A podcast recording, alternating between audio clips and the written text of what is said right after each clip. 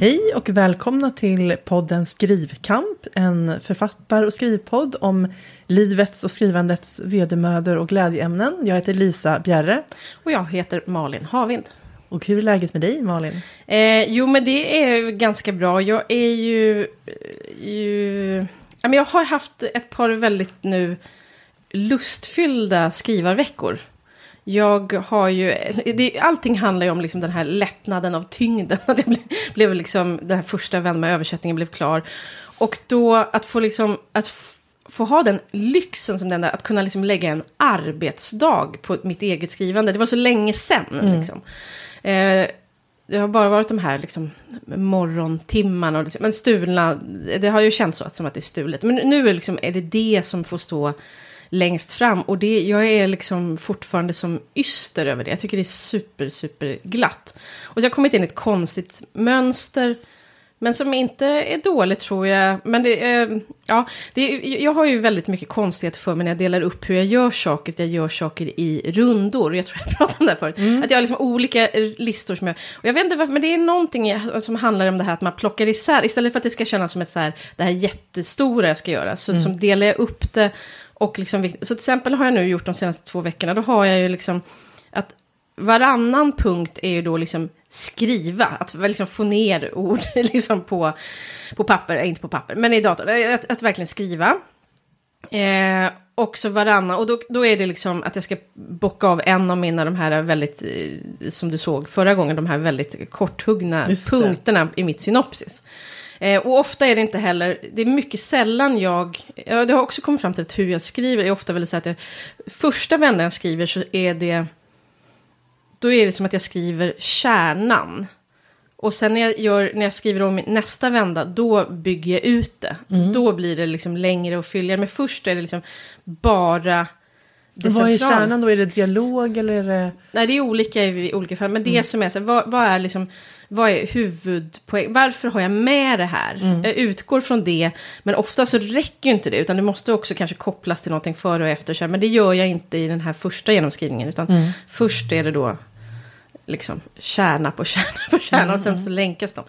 Eh, men så, så, så gör jag så varannan punkt är en sån. Eh, och det kan ju liksom, en sån punkt kan ju ibland ta eh, en kvart, oftast inte, och ibland mm. eh, tre timmar. Och, så, så. och varannan sån som jag, sak jag gör är då någonting annat, alltså något på min att göra-lista. Men allting då fortfarande med eh, Malin mm. Blomsterberg-boken.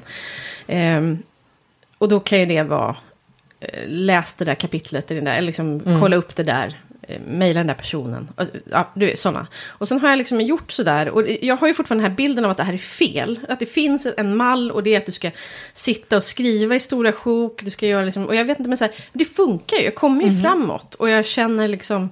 Jag kommer liksom inte göra så här i hela processen. Men just nu så funkar det men det väldigt bra. Men jag tänker att det kan vara bra för att det blir omväxling också. Att... Ja, Alltså att, och det känns aldrig så här ja. att man, jag kommer aldrig in i en låsning. Utan det är bara mm. liksom, det flödar. Och mm. det blir ju, eh, det blir ju, jag tar mig ju framåt mm. så. så att, och det har känts väldigt eh, glatt. Mm. Och sen så fick jag då eh, förra veckan tillbaka då andra vändan redigering på In mot stenig strand. Eh, som jag eh, redigerade igenom då eh, snabbt. För jag, mm. var så här, jag, liksom, den har varit borta från mig länge nu. Och nu var jag, liksom, jag ville bara, jag, jag vill, vill liksom tillbaka till den.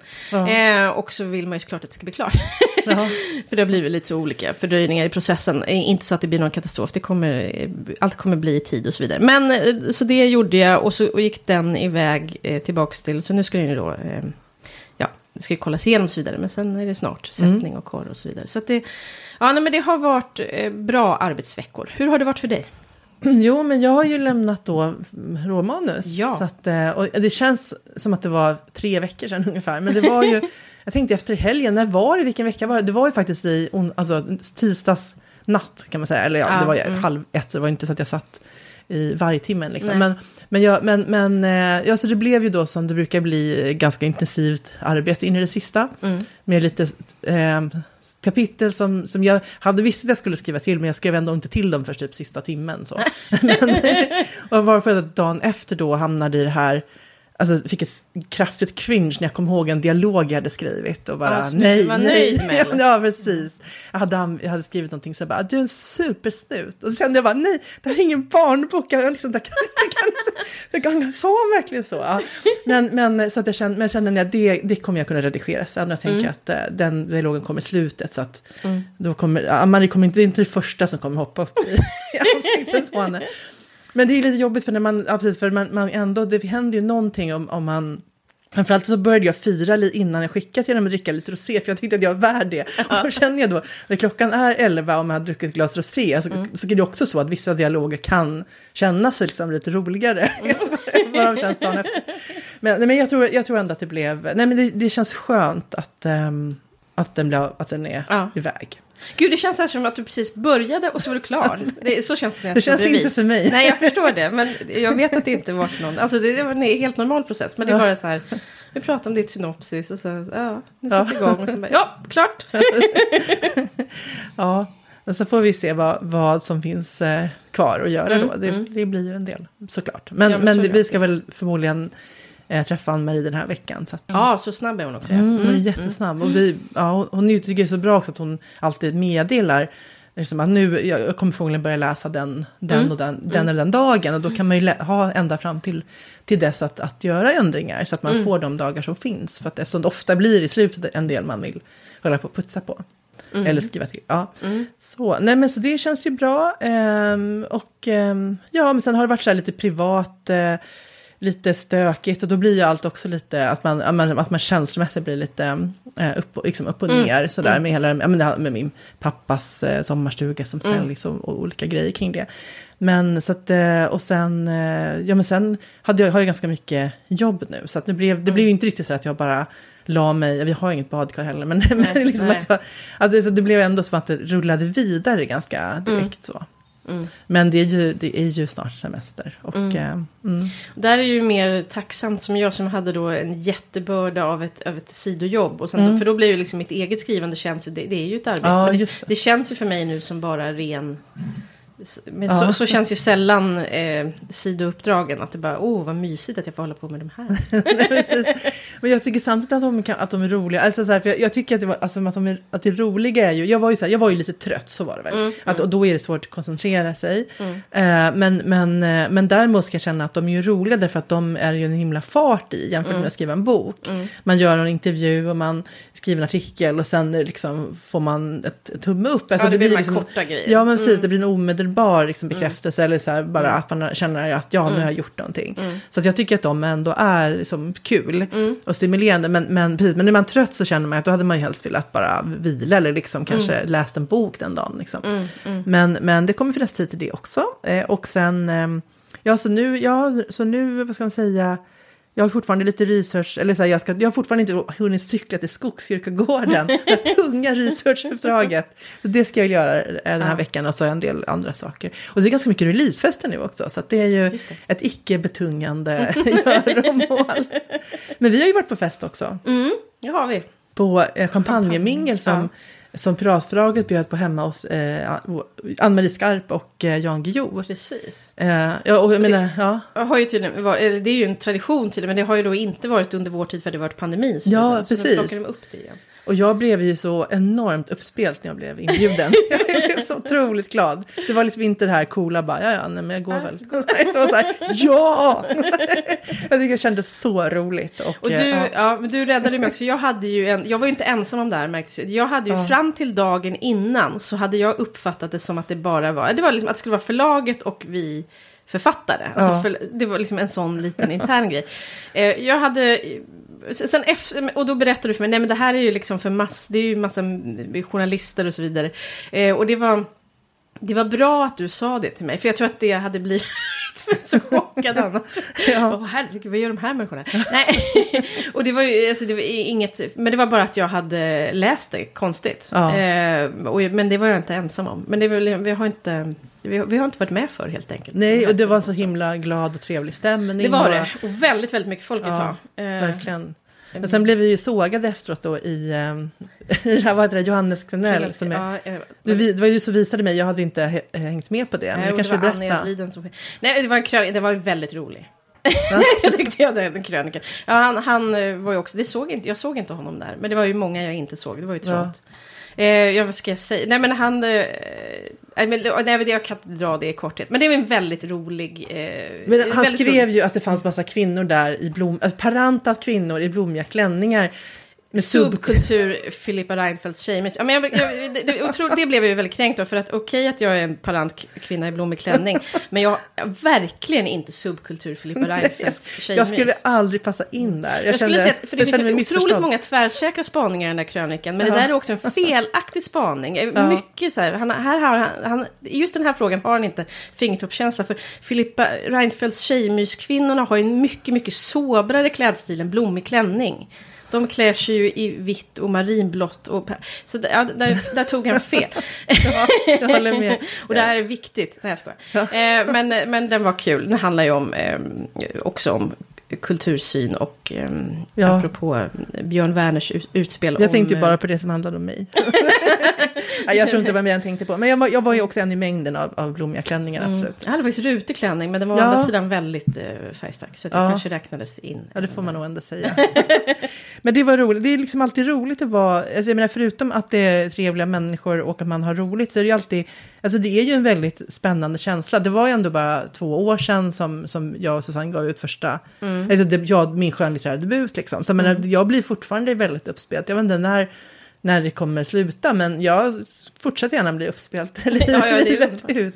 Men det är, ro, alltså det är roligt. Jag behöver få med på sådana här liksom, kul, ja. kul tillställningar. Det är ju kul och det är, liksom, det är roligt att träffa era andra författare, det är roligt att träffa förlaget.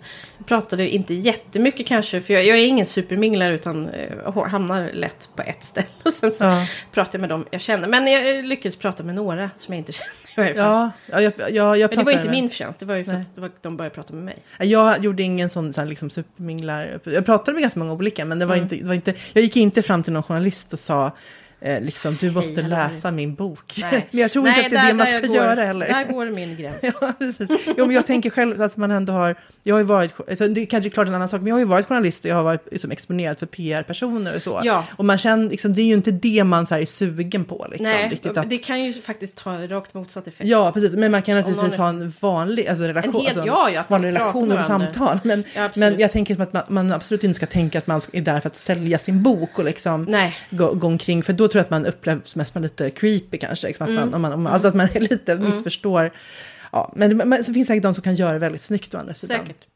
Men och sen tänkte jag också säga med, vad var det? Jo, alltså det här med att eh, vi har ju också fått reda på, alltså jag, när Augustin Erba, den nya förlagschefen på Rötförlaget, var intervjuad i Svensk Bokhandel så fick ju vi, ehm, så sa han ju så här, alla våra författare har tillgång till data om lyssningen. Mm. Varpå jag kände att nej, det känner inte jag att jag har. så att jag mejlade honom, det här låter jätteintressant, jag vill gärna ha det. Eh, och då skickade han då drop-off rate. Eh, när folk slutar Ja, men precis, när folk slutar lyssna i boken.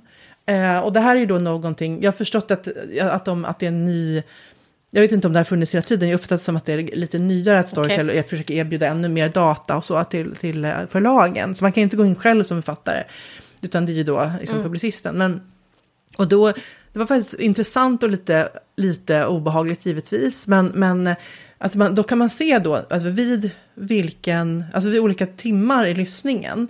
Det var, vår, första, våra böcker ungefär 10 timmar, mm. första boken till 13-14 timmar. Ja, men, så man kan se liksom, kanske är varje halvtimme ska jag gissa, att, att det är liksom en liten stapel. Hur många procent tror jag det är som har då ramlat bort där, som har slutat lyssna vid den vid den halvtimmen, eller vad det nu är, något spann då. Mm. Eh, och det var intressant, för då var det så att vår första bok, Ensamt vittne, den hade en, en väldigt bra kurva. För man tänker att det är många som slutar lyssna första, eh, mm. för, alltså precis i början av en bok. Mm. Eh, för att man, man är inne och testar en massa olika böcker, så bara nej, det här var inget för mig. Mm. Eh, och sen är ju, är ju då den optimala kurvan är ju då att det ska minska hela tiden, så att det blir en ganska mjuk lutning på kurvan. Att, Liksom att för, för ju mer du lyssnar, desto mer engagerad blir du. Du har investerat din tid. Ja, precis. Och du blir engagerad i karaktärerna, du vill veta hur det går. Mm. Eh, så att du liksom, så att, och sen att det är en väldigt, väldigt så här, platt kurva då i slutet, där nästan ingen hoppar av för att mm. man vill veta, liksom, veta hur det går. Mm. Eh, men, och så den var fin, men sen på vår andra kurva, eh, eller andra boken då, Ek av skott, så hade vi ett parti där det var ganska många som hoppade av. Eh, och då förstod jag sen vad det berodde på, för vi hade, det var vissa formuleringar som var, som vi, ja, jag, jag, jag, jag, lyckades liksom. Eh, Vad, vad, formuleringar som du tror att folk reagerar, alltså, Alltså- som är stötande eller ja, ja, precis, för att jag faktiskt... eh, politiska? Eller? Nej, utan eh, vi citerar, eh, eller så här, vi, det, poliserna citerar ur sexuella, alltså sexuellt obehagliga angrepp på feminister. Ja. Och vi använder oss av eh, så Flashback för att, så en del av det där är liksom taget, alltså klippt från därifrån. Ja, precis. Så det är ju så väldigt obehagliga formuleringar. Grova, liksom. ja. Mm. Ja, men precis de där, mm. menar, hororna, alltså så här, nedsättande fattar. formuleringar med könsord. Eh, och där har, vi, har jag sett i ljudboksgrupper hur någon har skrivit så här, fy fan, alltså inte fy fan, men så här, typ, det här kan jag inte lyssna vidare fan, på. Vilka, vilka jävla. Nej, jag skojar. Ja, precis, författarorden vill man inte lyssna på. Så jävla grova mun.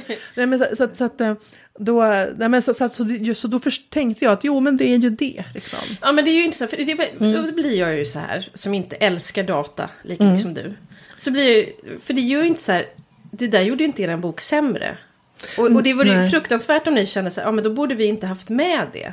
För jag tycker att det finns ju en poäng att ni använder det där som Ja. är hämtat för, alltså, för det blir, blir man lite för mycket data.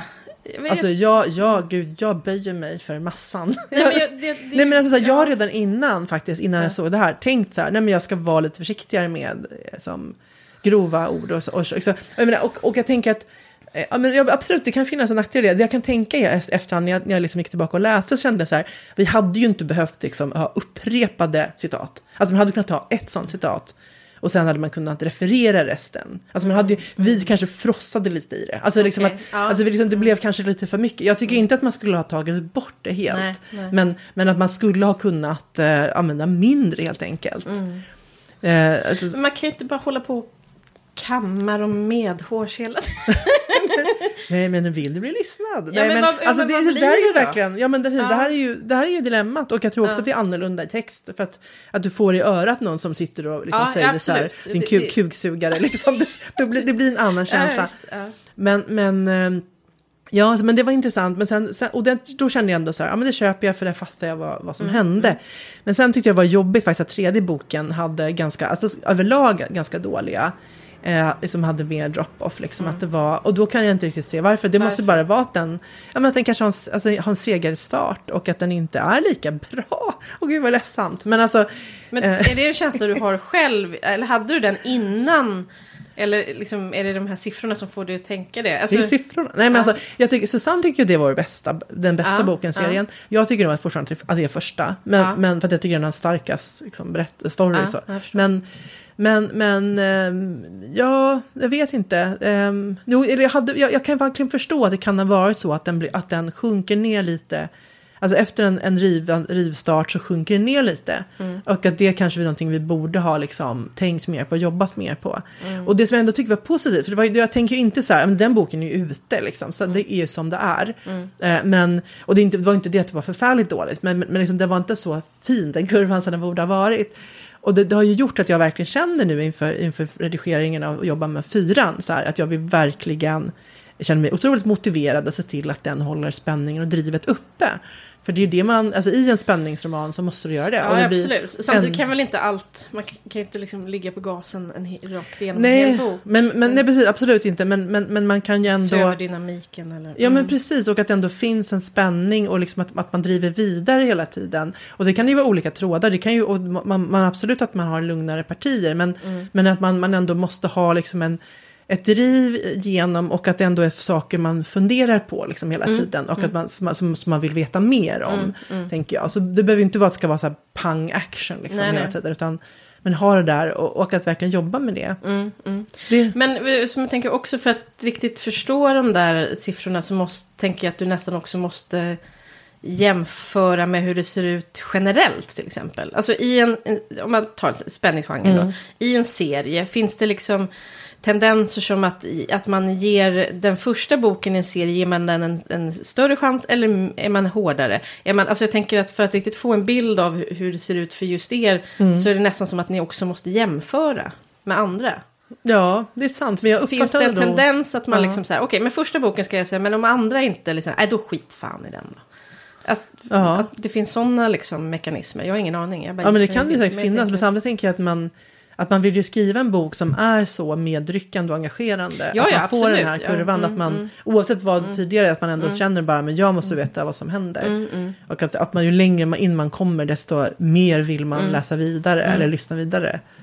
Apropå det här att fortsätta och så vidare. Jag tänker det är spännande.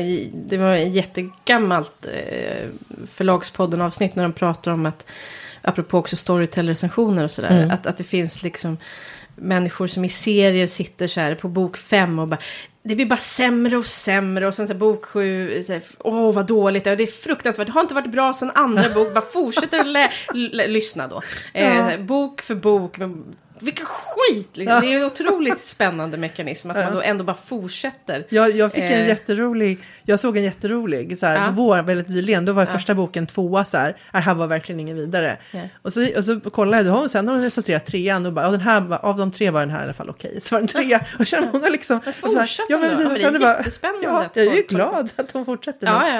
Men, Ja, ja. man undrar ju liksom, har, Ja. alltså, finns, fanns det Har de inget? tömt ut då? Helt? Men då tänker jag att då måste det ändå ha varit någonting som Ja. Mm. var intressant att följa. Även, om, även om man var besviken Ja. på, på helheten på Och så något tror sätt. folk att, jag vet inte, det finns en benägenhet att, att eh, såga lite hejvilt också. När Ja, man är det är en sant. anonym recensent på Ja, Storytel. Jo, precis, absolut så är det. Det är ju många Lätt som... att avfärda. Ja, verkligen. Precis, och det kan man ju skratta åt ibland, men inte när, kanske när det är ens Nej, inte egen. drabbar en själv. Nej, då, kan man, då skrattar man eh, inte så Så Nej, men jag, är, jag skrattar inte ens nu åt andra. Jag, Nej. eh, Det, vill säga, det, är väl, det är väl bra om... Alltså, det, är väl, det bra. Det är väl bra att det går att tycka olika. Men jag tycker att eh, tonen ibland... Eh, Ja, jag tycker inte om den där och fräna tonen, men jag kan, jag kan verkligen skratta åt till exempel hon som då bara, det här var svagt och sen, och sen när de ändå Mm. lyssnar klart, då kan jag skratta för jag kände så här att det var liksom lustigt på något sätt. Mm, Att man, men, men, och då tänker jag så här, jag får ju lika mycket betalt för, för den lyssningen, även om hon var sur, liksom, hon lyssnar på alla, ja men tack. Ja. Det är klart man vill, man vill ju bli lyssnad på. Ja, Eh, men, men, eh, men jag funderar, ja. Ja. Ska vi säga någonting om vår, eller hade du något mer här? Bokslut våren pratar vi om. Ja, precis. En liten... Hur har det varit?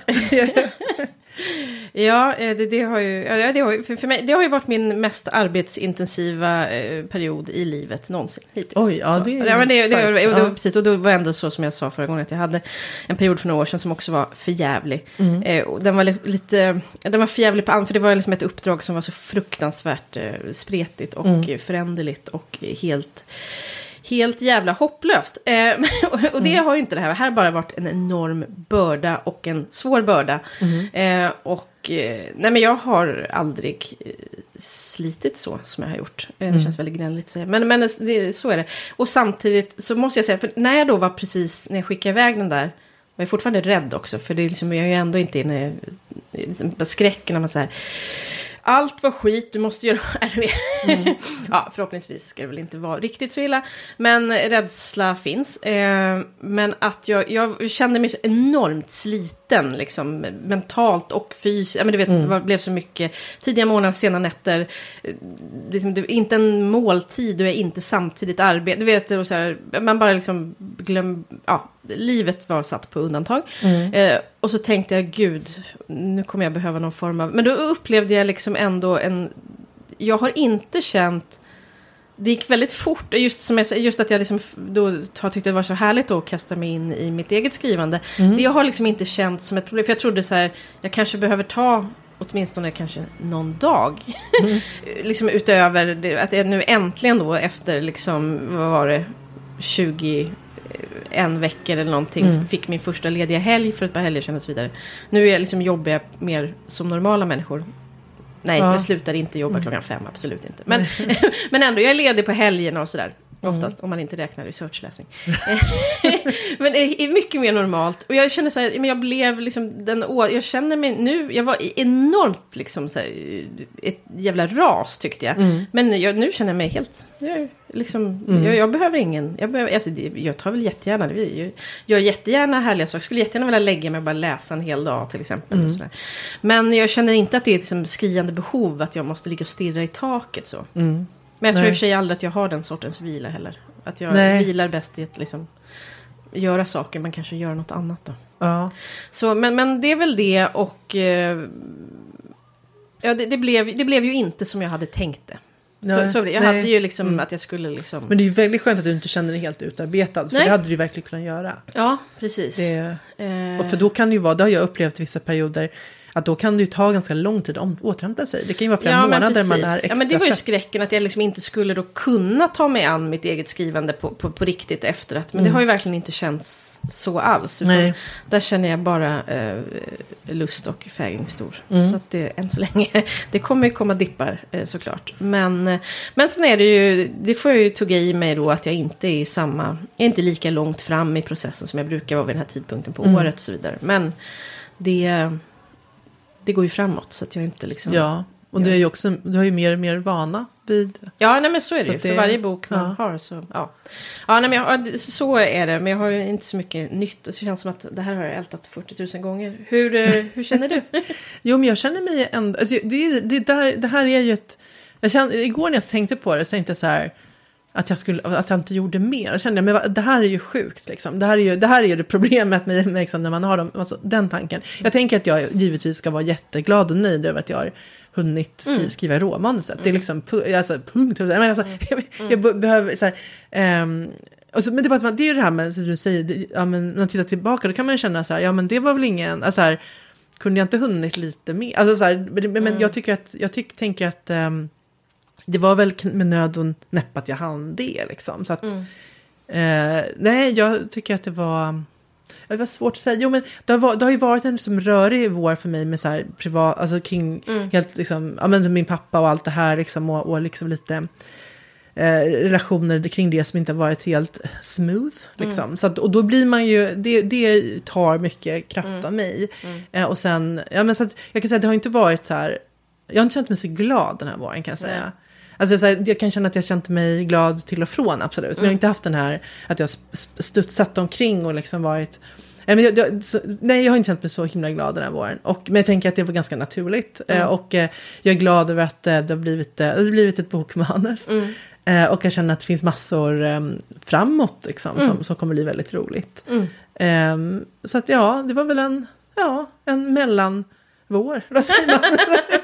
Det, var inte den, det var inte den bästa våren i mannaminne, men den, Nej. den, den blev okej. och den, Ja. är, den är gjord, eller vad ska man säga. Men den är avnjuten. Mm. Mm. Jag märker också att jag har en sån tendens att de saker man gör alltså, som... ja, men Jag tänker till exempel som biblioteksbesök då, så har jag Mm. gjort många sådana också den här våren. Just Och det. det tänker jag så här, eftersom jag tycker så mycket om att göra det. Mm. eh, Hela, liksom, hela grejen med, jag tycker om att jag tycker såklart om att komma, jag tycker såklart om att få prata om mina böcker. Ja. eh, och om människor som frivilligt vill lyssna. De gör Ja. det inte på nåd. Nej men eh, det är jätteroligt. Och så tycker jag om, jag tycker om att komma till nya platser. Jag tycker, eller, men tycker om Mm. hela grejen med det. Och sen att man får det här. Men, men liksom en hotellövernattning så får jag också några skrivtimmar på det jag håller på, på Ja. kvällen där och så vidare. Man är, man är för sig själv och så här. Jag, jag tycker om hela. Men det gör också att då tänker jag så här, eftersom jag tycker, att, tycker om det här väldigt mycket, då räknas inte det på något sätt. Alltså det är ju ett arbete också Mm. Just det. såklart. Men Det är det ju verkligen. Det räknas, men, men det också, när det blir väldigt mycket då som det blev och Mm. jag liksom flänger hit och dit och liksom flera i veckan och så vidare. Det är ju också ett slitage, Mm. men att jag liksom inte, jag tycker inte att jag får känna det. Men det, det märkte jag också i, just i kombination då med att vara så jagad av den här Mm. liksom enorma betinget då jag hade liksom att Ja. riva av ett antal sidor översättning per dag och skriva mina egna böcker. Så eh, ja, nej men det, det, även det som är roligt kan ju eh, ta lite av. Så, så är det ju. ja, Men, eh, absolut. Gud ja. ja. men samtidigt vill jag ju absolut inte tacka nej till. För, det, för det, det där vill man ju göra. Men för mig brukar jag alltid, det brukar liksom, det är så här, det är olika för men det, så här, det brukar alltid vara att det är mer sånt på våren och så är det mindre sånt på hösten. Mm.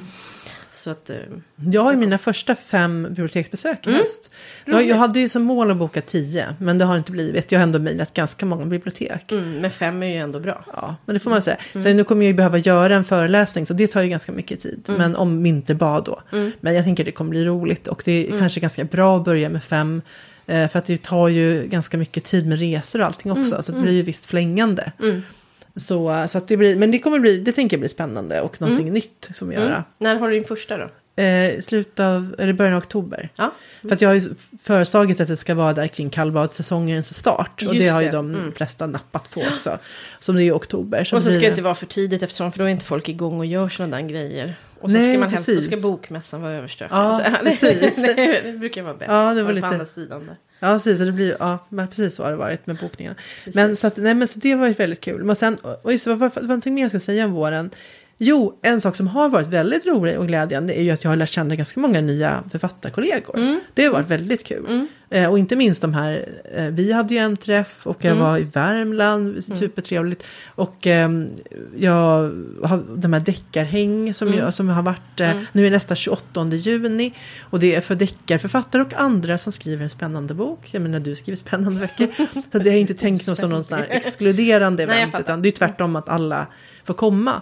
Eh, och, och det publicerar på Instagram då vad det kommer vara. För vi måste hitta någon utservering tänker jag. För att när det man ser det på sommaren. Men i alla fall, det, så det har varit en, jätte, det har varit en jättekul grej i vår. Verkligen. Så ja.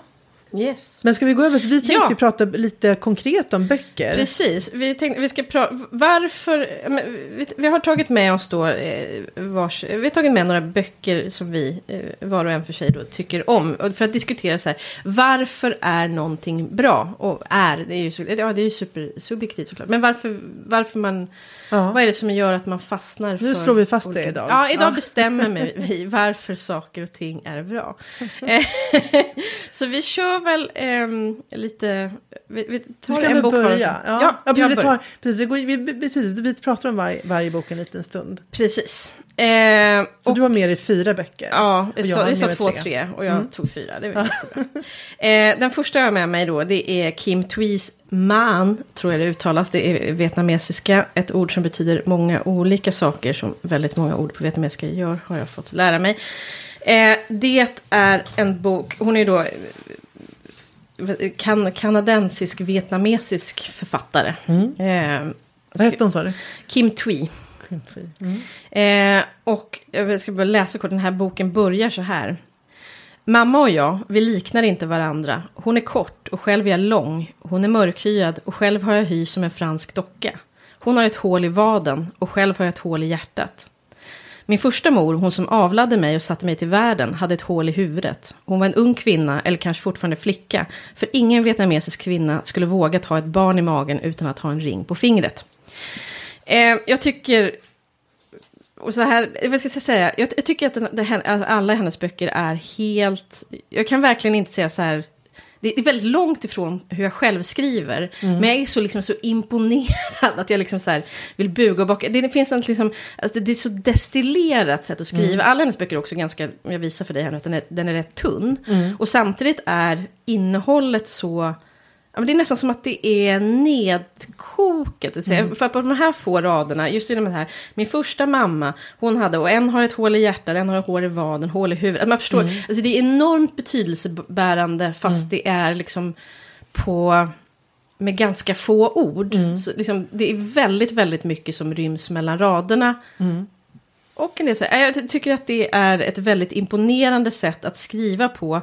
Eh, som jag eh, inspireras av liksom på tanken. Men sen, sen tror jag inte alls att det märks i hur jag skriver. För jag skriver framförallt ordrikare. Men eh, jag, det, det är liksom bedrägligt enkelt. För det känns som att det finns ett enormt liksom, bråddjup där under. Jag är väldigt... Eh, Eh, och Så samtidigt också väldigt mycket konkret. Till exempel skriver hon jätte, jättemycket om mat. Och vietnamesiska köket är ju Mm. liksom väldigt... Och då är hon ju superkonkret. Och man får verkligen... Så det är inte så att det, allting är bara liksom... Åh, hål i hjärtat abstrakt. Utan det är också väldigt... Eh, det är något Mm. med den där liksom... Intressant växling kanske också. Ja, då. men verkligen. Och det Men hur gör man det då? Hur, kan du berätta? Nej, men det är det jag inte kan. Det är därför jag säger att jag är så otroligt imponerad. Men att jag säger att jag, jag... Det ligger väldigt långt ifrån mig själv. Men även Ja. sånt kan ju vara väldigt... Men man kan ju tänka att man, en grej kanske är att man inte räknar tecken då, för det blir inte, Absolut så, inte. Det blir inte så många tecken. Eh, Men, men de blir väldigt starka. Ja, och jag tror, jag vet inte ens om det här finns, men jag tror att det här skulle vara eh, bedrövligt som ljudbok. Alltså du ska inte... Jag tänkte på det, för det, Det här- där men, du måste måste man tänka sitta, på. Mm. du måste, du måste säga, vad är det jag läser? Och om någon Ja. bara liksom läser det för dig, det går inte. Du Nej. måste styra den här takten själv. Mm.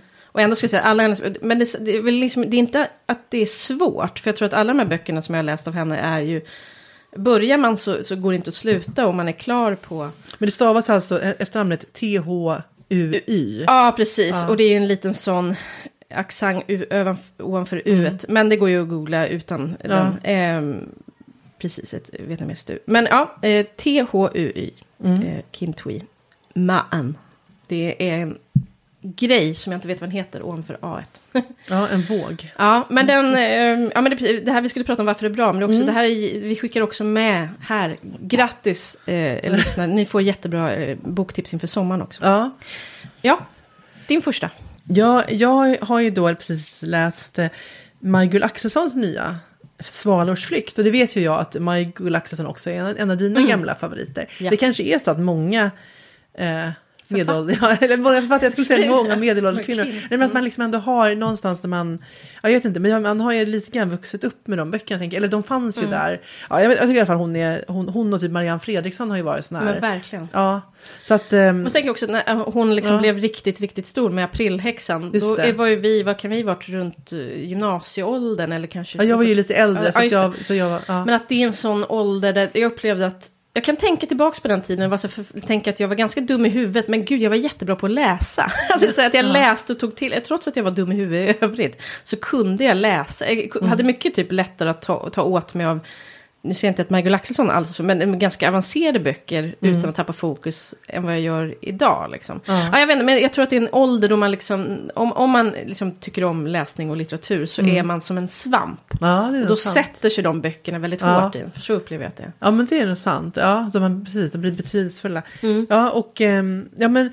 precis, jag, jag, precis jag, för mig var det egentligen Rosario är död som var den första boken som jag läste. Och den är ju väldigt hemsk, men, men äh, väldigt, en viktig berättelse berättelse. Som ja, jag tyckte, var, tyckte väldigt mycket om. Det handlar men, om... Ja, men pedofili och utsatta ja. barn i, i Filippinerna. För hon är ju också journalist i grunden. Ja, precis. Mm. Det, det, finns saker där som jag fortfarande minns som bilder framför mig, så ja, väldigt obehagliga. Men i alla fall, eh, jo men den här då, och den har ju fått, jag såg efteråt, jag, alltså innan jag läste den, alltså, jag, jag tror inte att jag faktiskt eh, har läst ut hennes senaste, för den fångade inte riktigt mig. Men, men eh, så, så det var, inget, var inte självklart för mig. Men så fick hon en sån fantastisk recension av Kapprakt, Anders Kapp, som ju recenserar spänning. Mm. Han sa det här är en så jäkla stark thriller, den är skitspännande. Så jag, men nu måste jag ju omedelbart läsa den. Mm. Eh, och jag tycker faktiskt att den var, jag håller med om den var väldigt spännande. Sen såg jag att den inte har fått så bra recensioner.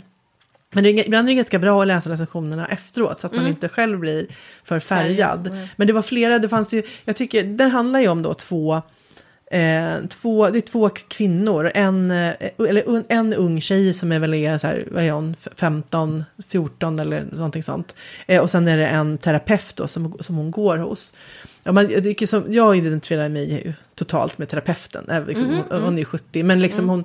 hon, hon, henne känner jag igen mig väldigt mycket hos. Men, och sen blir det väldigt spännande, för som det liksom är brott, brottslighet, det blir övergrepp mot barn och det är liksom mord, mord och mordbränder och olika grejer. Så jag tycker det, men det, det, behållningen i det här är ju alltså hennes sätt att skriva. Mm. Alltså att hon Ja, men jag, alltså, det är liksom, jag, jag, vet inte, jag bara känner, men berätta hur du gör, jag vill.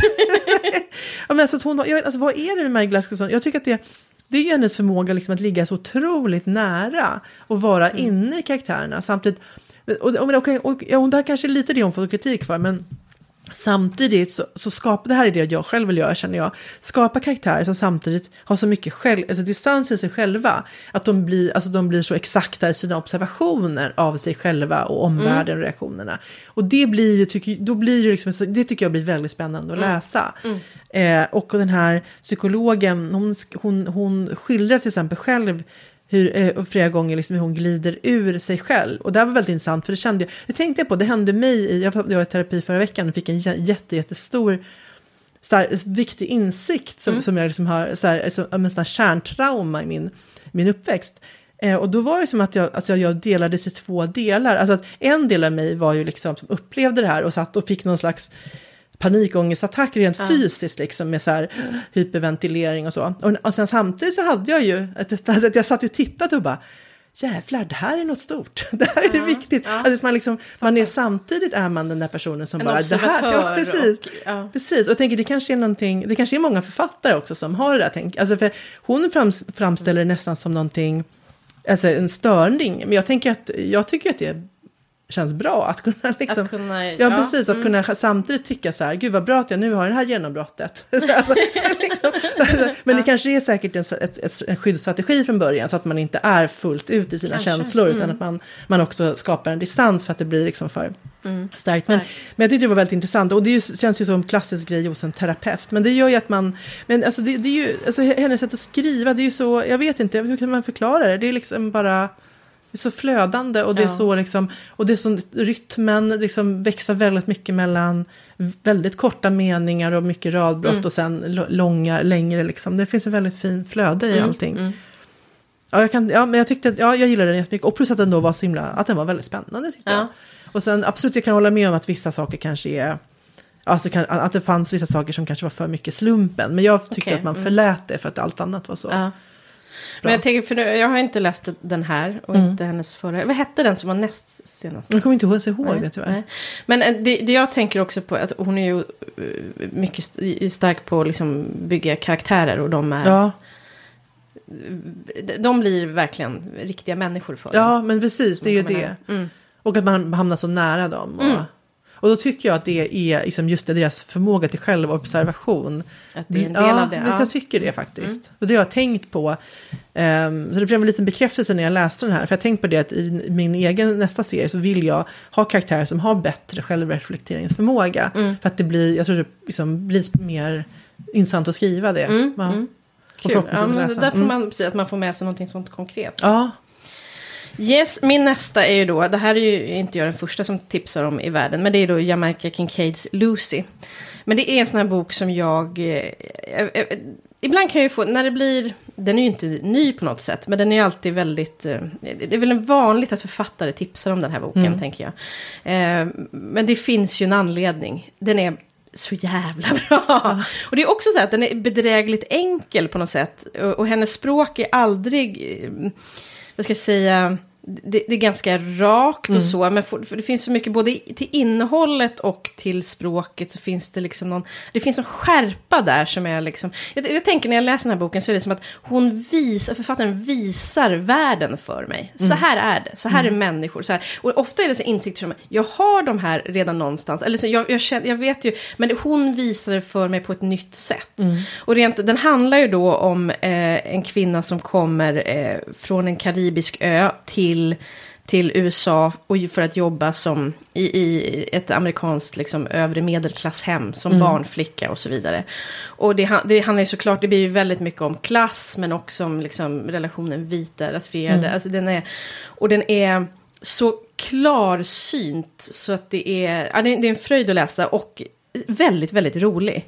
Eh, på ett, ibland då liksom, eh, rolig ofta på liksom en vit medelklass, framförallt amerikansk, mm. Eh, deras bekostnad. Eh, men såklart också väldigt mycket eh, som skulle gälla även för oss, så att säga. Mm. Men mycket, mycket bra. Jag tycker, det här är en bok som jag skulle vilja att det var tvång, att alla var tvungna att läsa. Ja, men då måste jag, jag tror, ja, nej, men jag tror att den är, verkligen så. Den är också, den är mycket, det är ett sätt att skriva på som är väldigt rent. Det är mm. liksom, det är inget, det är inget pjosk. Nej. ja, det är bra. Ja, um...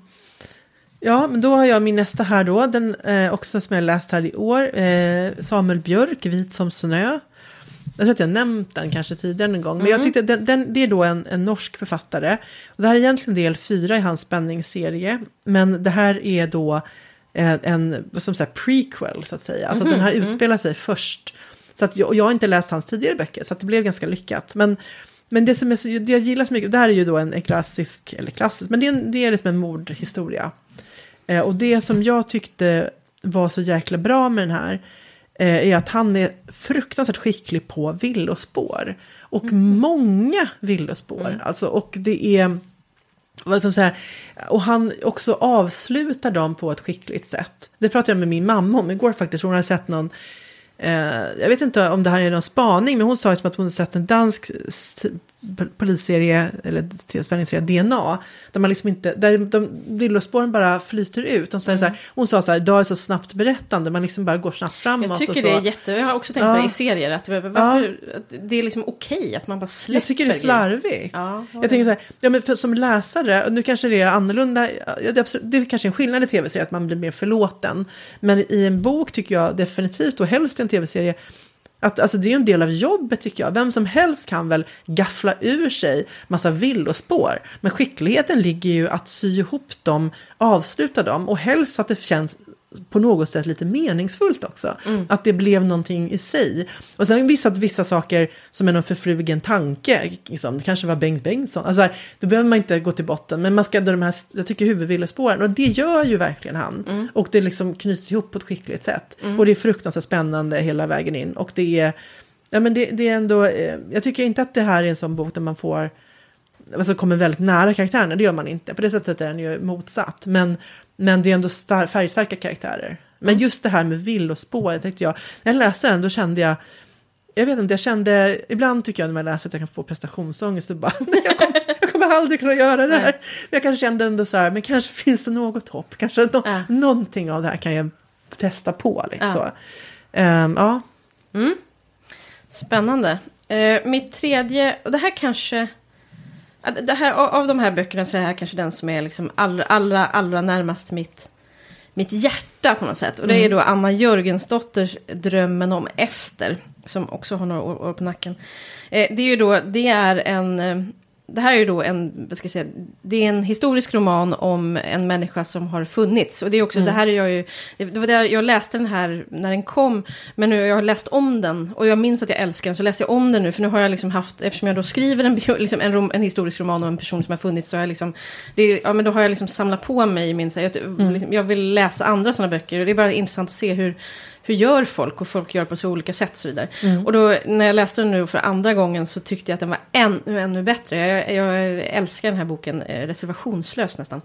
Eh, Ester Henning då som den handlar om var en konstnär eh, som hon växte liksom upp i Dalarna i närheten av där son bodde liksom. Och han, mm. när han var i sin Eh, prime. Men hon kommer då från mycket, mycket enkla förhållanden och eh, hennes då resa som konstnär var ju inte eh, liksom så lätt. Och mm. hon, överhuvudtaget så är det väl liksom framförallt efter hennes död som man har förstått att hon var ett geni. Liksom. Mm. Men, hon, men hon också hade ju, kämpade med stora liksom, psykiska problem och har liksom, stora delar av sitt liv låg hon eh, på olika hospital. Mm. Eh, men även där liksom hela tiden konsten skulle ut och den, mm. den handlar ju väldigt mycket om, om, skapande och också såklart om skapande just eh, kvinnor vid den här tiden. Deras och speciellt om det var en fattig kvinna. Mm. Dina liksom, möjligheter till skapande var begränsade. Mm. Men det som, förutom då att jag tycker att det här är en jätte, jättespännande, liksom, ett, ett, ett öde och ett ämne som fascinerar mig, så är det ju framförallt språket som jag blir helt, helt betagen av. Och som också är så här, att när du börjar läsa så går det liksom att språket bär dig igenom eh, mm. på ett underbart sätt. Jag ska läsa lite kort för att ge ett exempel. Då. Ester går gatan fram med ett moln under kjolen, stiger långsamt uppåt. Vägen kantas av vår, vinter, vår, en tvekan som inte är hennes. Hon rätar på ryggen, det finns inga alternativ, hur en vintern försöker. Ännu ett vitt täcke som solen lyfter bort, för blommornas och Esters skull. Intervjun blir rikt illustrerad, vårdikterna blir det överhuvudtaget inget med porträttfotot vilar hon hakan i handen, armen på bordet, på vilket en av hennes bronsstatyetter står. Hon ler lätt och självsäkert, har något roat i blicken, ett uttryck som hon tycker om, nej, älskar. Intervjun i Idun gör inga penningar, vårdikten hade gett mer.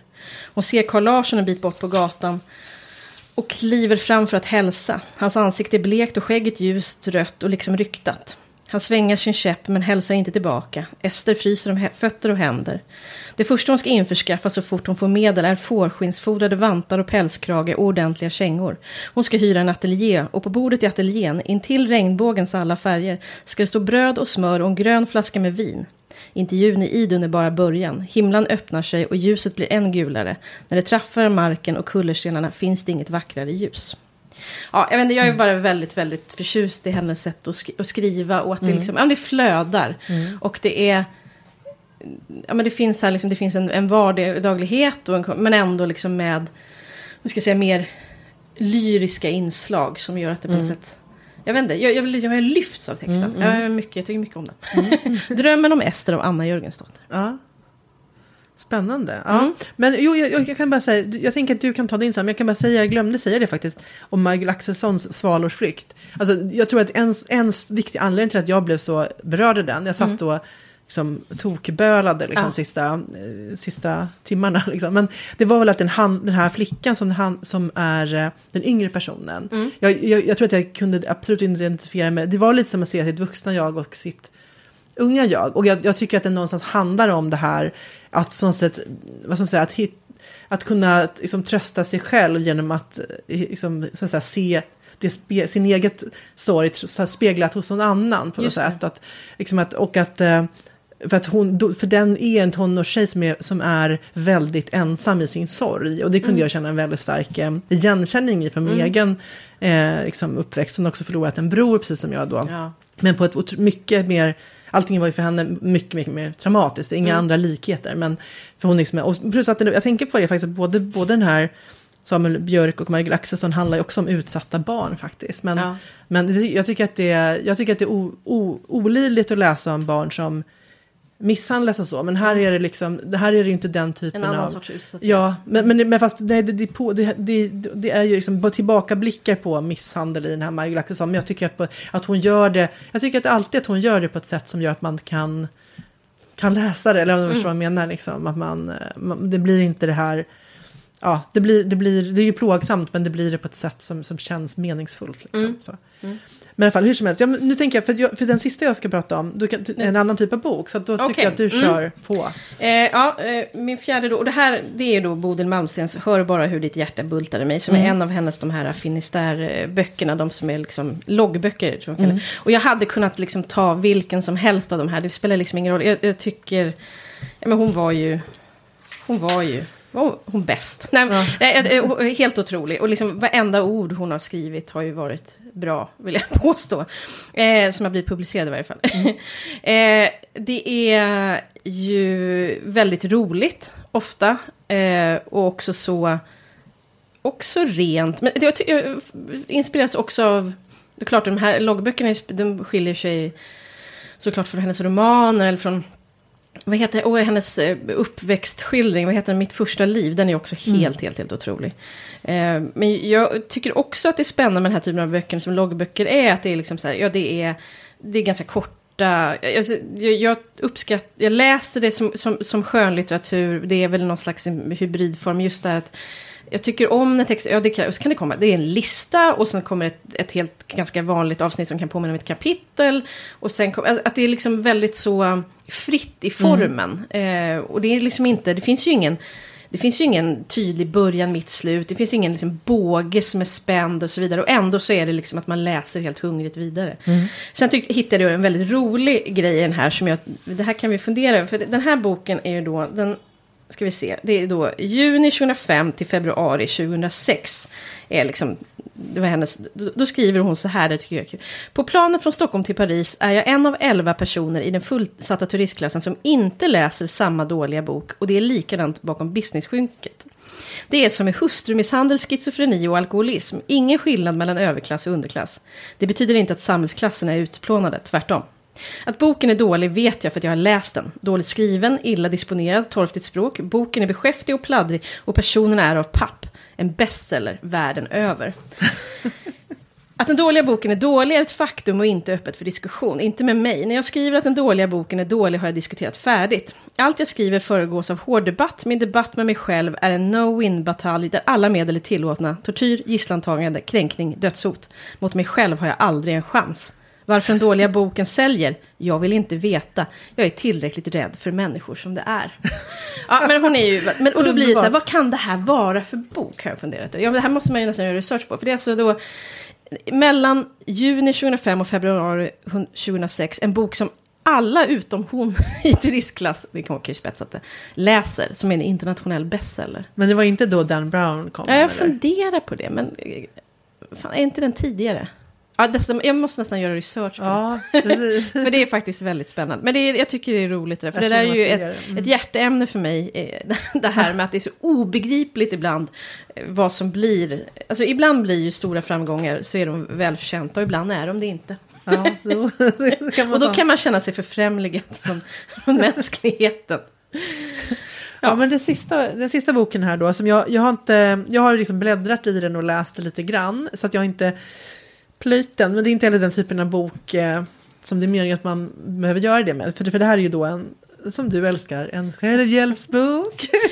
Många post-it-lappar Ja, ja.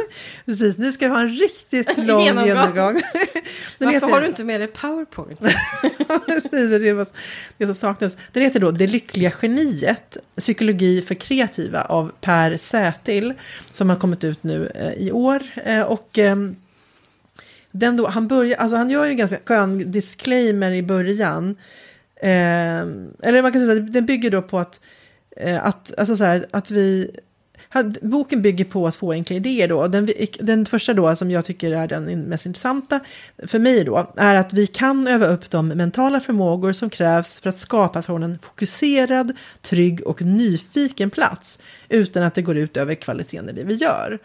Jag menar lyckligt geni, vem fan vill inte vara det? Alltså, det och då, och, och liksom att, att man då, vad ska man säga, jag menar att, att psyk, psykologiska förmågor som motivation, att stå ut med osäkerhet och förmågan att stödja sig själv är då någonting man kan öva upp och det kan vara avgörande för att nå dit man vill. Mm. Vem, vem, vem däremot så att säga. Det, men, men det är också så att um, han hade ju någon liten disclaimer kring det här med Ja men precis, lite så här då. Ja, men vissa människor måste ha, ha det handlar så här, vissa psykologi, psykologiböcker handlar tyvärr om att enbart tänka positivt och välja glädje. Men tänk om du hellre vill dricka sprit till frukost, jobba till sex på morgonen och dricka, röka cigaretter och äta småkakor.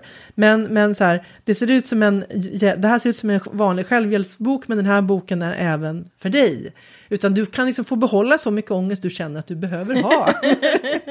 så att, nej men jag tycker att det är intressant. Det som är, alltså det kan känna att det kanske är lite grann mer riktat sig till den som inte redan håller på med något kreativt. Att man liksom... Nej, att man ska starta. Ja men precis. Ja. Men, men samtidigt så är det ju väldigt mycket eh, väldigt mycket olika tekniker, metoder som, alltså, så här, jag som ändå har hållit på, så att säga, och då tänker jag på hållit på med så här, att man är intresserad av personlig utveckling och eh, framförallt kanske att jag gått så länge i terapi, så var ju mycket av det här är ju inte... Bekant. Alltså, ja, det är bekant. Mm. Så det är liksom inte... Jag menar, det är mycket så här, jag menar, grejer, lite KBT-tekniker. Han har, han har liksom tagit ett smörgåsbord.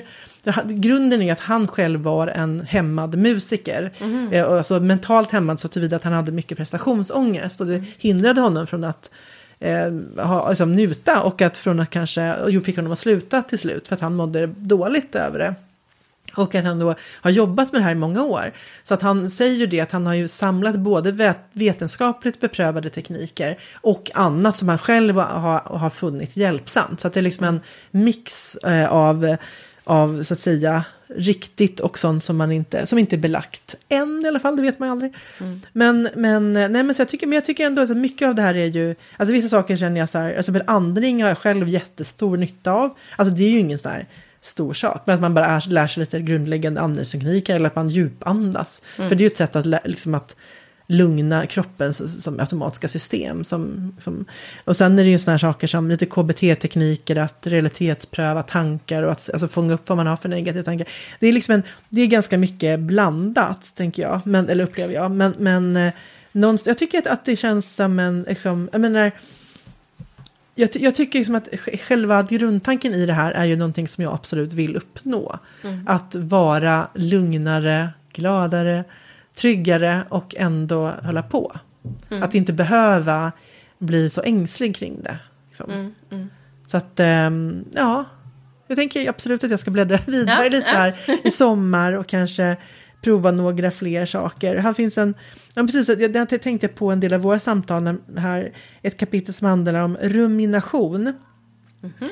eh, det beskriver de mentala processer där du om och om igen går igenom både orsaker till och konsekvenser av olika problem och utmaningar samt försöker förklara dina känslor på ett sätt som i själva verket är ett slags undvikande beteende. Allt med ett ständigt fokus på världens viktigaste person, dig själv.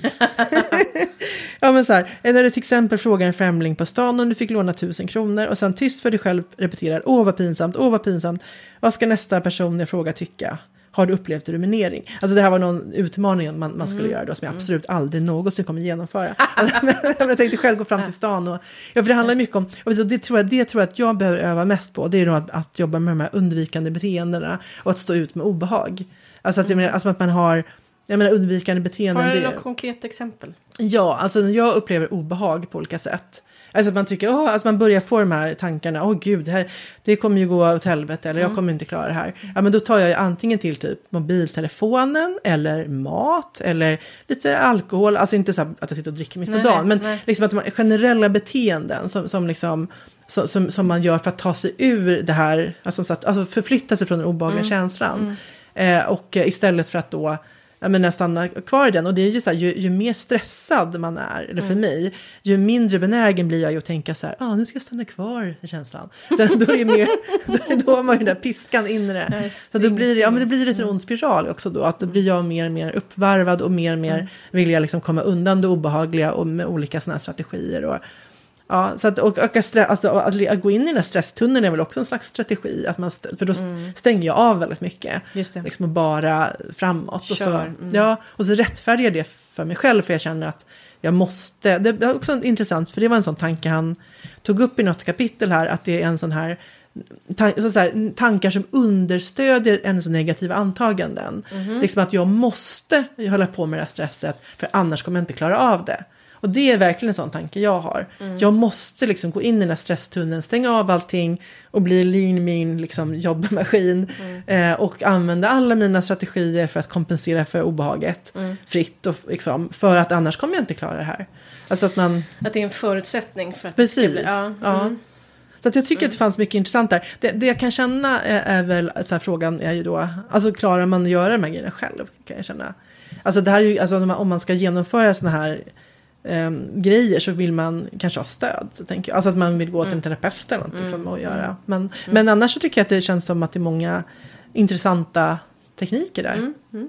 Som, eh, ja, så Per Sätil, det lyckliga geniet, målbild för alla tänker jag. Eller vill inte du vara ett lyckligt geni? ja, men jag, jag, tror ju inte på konstant lycka. Liksom. Nej, det, det, är ju till och med din favorit eh, Anders Hansen. Han har ju... Nej, till och med, han, till och med han, säger att det är omöjligt. Precis. Man får vara glad för de fläckar man får. Ja. Eh, plus att jag tänker... Det, det, det jag tänkte när du satt och pratade nu, det var det, det, också så här att, att jag... Det kanske motsäger mycket annat jag har sagt i den här podden när jag sitter och, och liksom rosslar av ångest. Men så känner jag så att, att jag faktiskt ändå känner att jag är hyfsat så att säga tillfreds mm. i min författartillvaro och i Alltså så här, det, man blir stressad ibland och jag kan framförallt, framför, men väldigt mycket handlar också om sådär att jag man är rädd för vad andra ska tycka om. Ja, men det, som fortfarande tyvärr. Man önskar mm. ju, man, jag fyller 43 år, hade önskat att jag liksom var lite mindre så än vad jag var 16. Men så, så ser det tyvärr inte ut. Mm. Men i, i själva liksom om man skalar bort allting som är, om jag sa något pinsamt på bokmässan och så vidare. Mm. Och tänker på det rena författandet och det liksom arbetet med det. Mm. Så känner jag mig ganska tillfreds och harmonisk. Vad mm. sjukt. men, men faktiskt. Mm. Ja, men det är jätteskönt. I, I grunden liksom. Och sen så har man ju sina dagar. Så att mm. säga.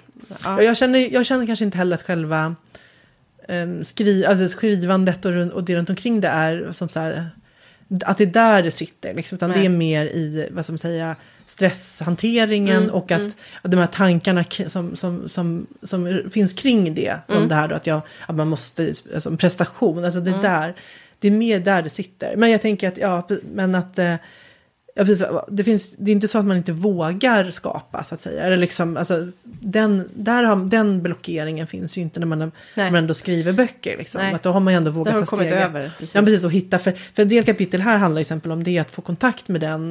Men sen samtidigt tänker jag att det finns väl alltid en poäng i att försöka, alltså att, att gå tillbaka igen och mm. hitta, sitt, hitta det här skapa, hitta det här skapandet som inte har någon som helst, ska inte leda till någonting Nej. så, så att säga. Nej men jag håller med, men, men det är ju, ja, jag ty, men Precis, har man, har man inga problem överhuvudtaget så ska man ju skita i den här boken.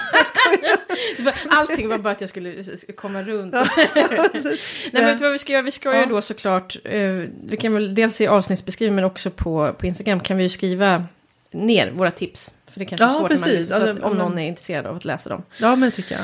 Eh, för det var eh, våra tips på böcker eh, som är bra och varför de är bra. Jag läste också ut en otrolig bok igår måste jag säga. Jag började på den här för hundra år sedan men så har bara eh, översättning och research eh, kommit emellan. Och det Mm. var den här som var väldigt då hypad förra året framförallt tror jag. Kvinna sedd bakifrån av Jesper Wung Sung. Han är eh, från Danmark. Eh, en helt, helt otrolig. Det är också då en historisk roman om en verklig människa. Eh, Den här, och också över i konstvärlden då. då det handlar om Wilhelm Hammershøi som eh, en känd dansk konstnär. Om hans fru. Så det är också det här min människan bredvid. Mycket spännande. Den är helt eh, otrolig också. Den kan jag också kasta in som ett tips för sommaren. Um, jätte, jättebra bok. Men Nu ska jag sluta. Spännande. Men du tänker att vi hörs igen där i eh, där 20, ja, 22, 23 augusti. Augusti, ja, blir helt enkelt nästa Då avsnitt. kommer återkomsten. Eh, precis, och det skriver vi väl om på våra sociala medier också. Sådär. Ja. Men annars så får eh, alla lyssnare ha en bra sommar. Ja, och läs på. Ja, Gör det. okej. Hej då!